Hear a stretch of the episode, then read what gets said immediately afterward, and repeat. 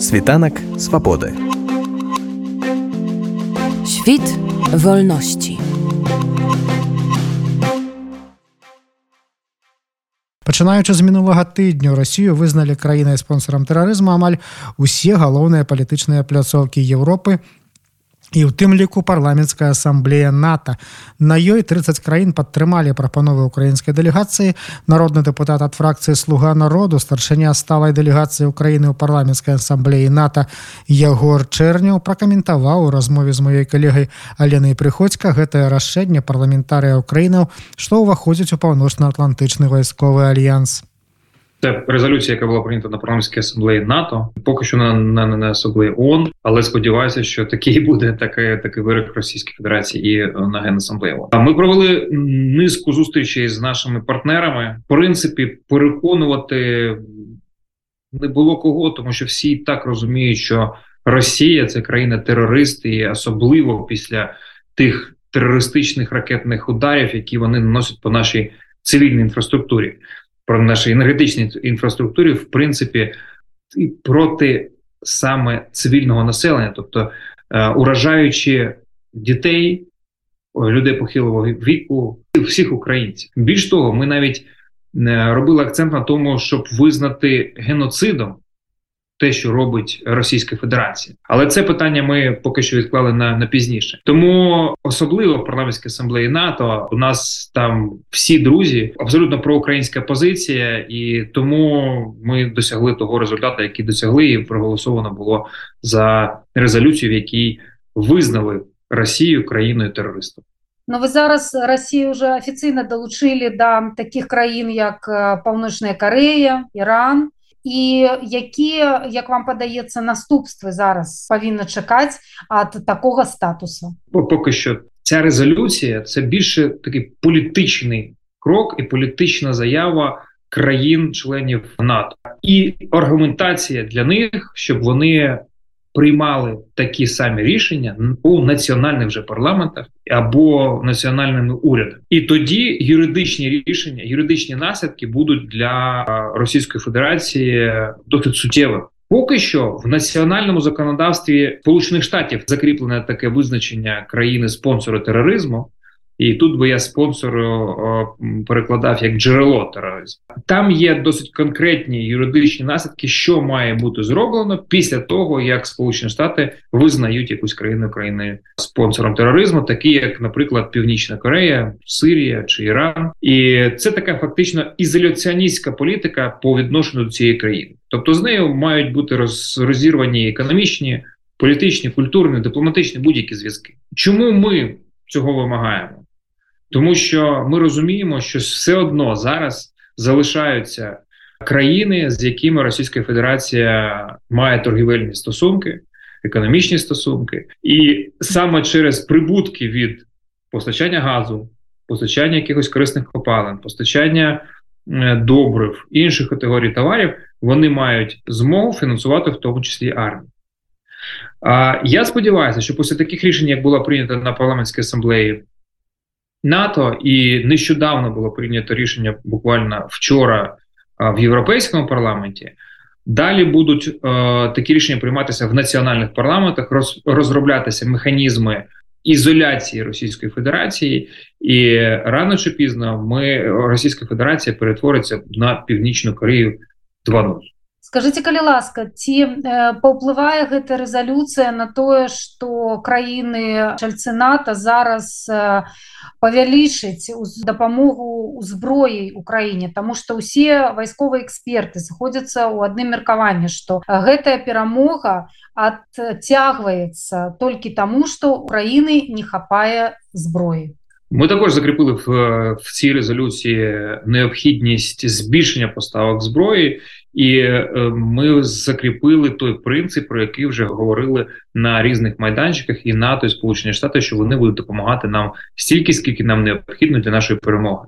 Тепер це закріплено в документі в резолюції. А разом з тим ми провели низку зустрічей двосторонніх з нашими партнерами з е, Сполученими Штатами, Францією, Німеччиною, Італією. І всі делегації запевнили нас в тому, що вони будуть нарощувати допомогу, військову допомогу саме з озброєнням, амуніцією, Україні вже найближчим часом. Сподіваюся, що так воно і буде.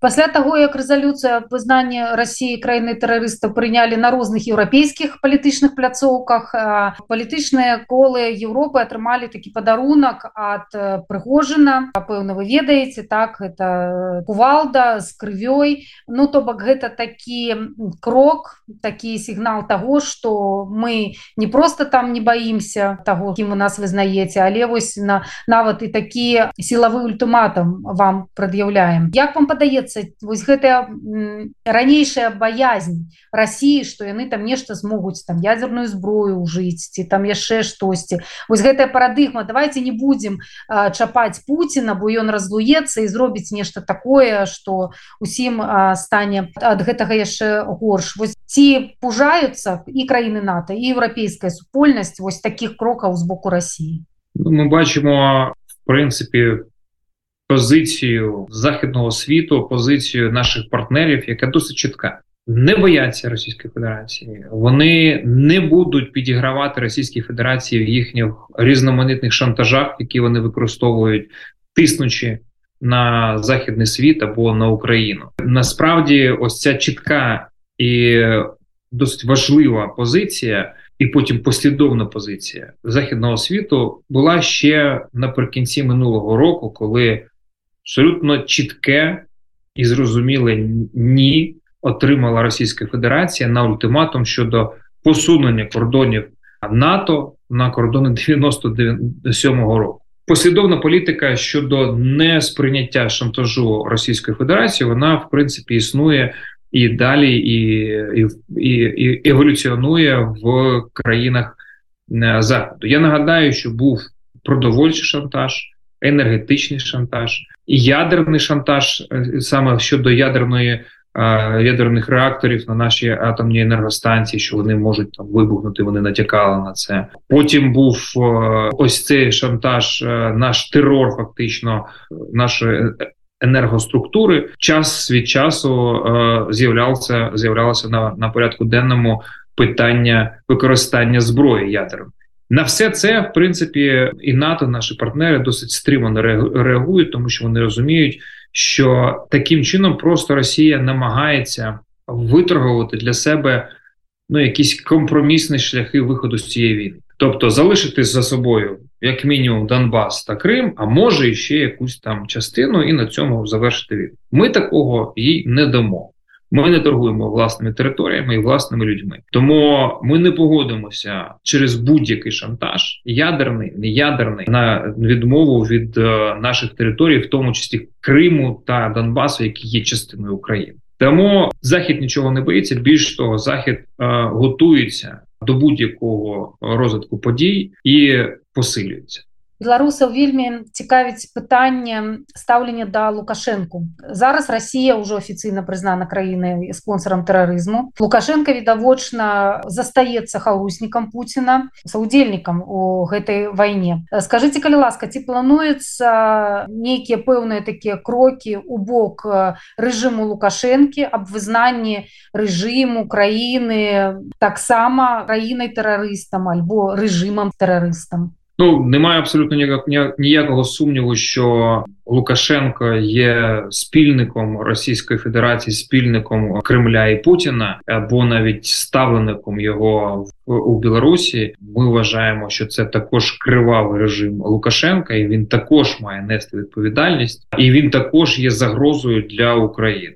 Я думаю, що санкції проти е, його режиму будуть посилюватися. Цю позицію наші західні партнери також поділяють. А що до стосунків з представниками опозиції білоруських демократичних сил у Білорусі? Ну ми е, виступаємо за те, щоб всі опозиційні сили об'єдналися. Я маю на увазі там і кабінет Тихановської, і ось тут е, у нас воює полк Калиновського і інші, щоб все ж таки була єдина сила з конкретними кроками щодо того, як змінювати режим Лукашенка з конкретними діями, щоб це було не просто розмови.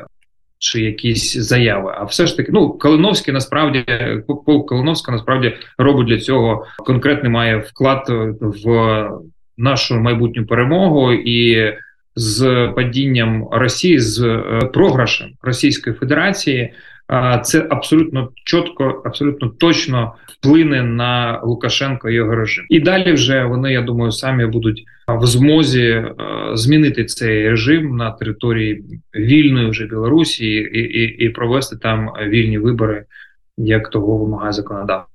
Тому ми тільки за, щоб і ми готові допомагати е, нашим білоруській в напрацюванні якихось конкретних кроків, що має бути зроблено. Тому що для нас це ну така е- загроза Лукашенківський режим е, біля наших кордонів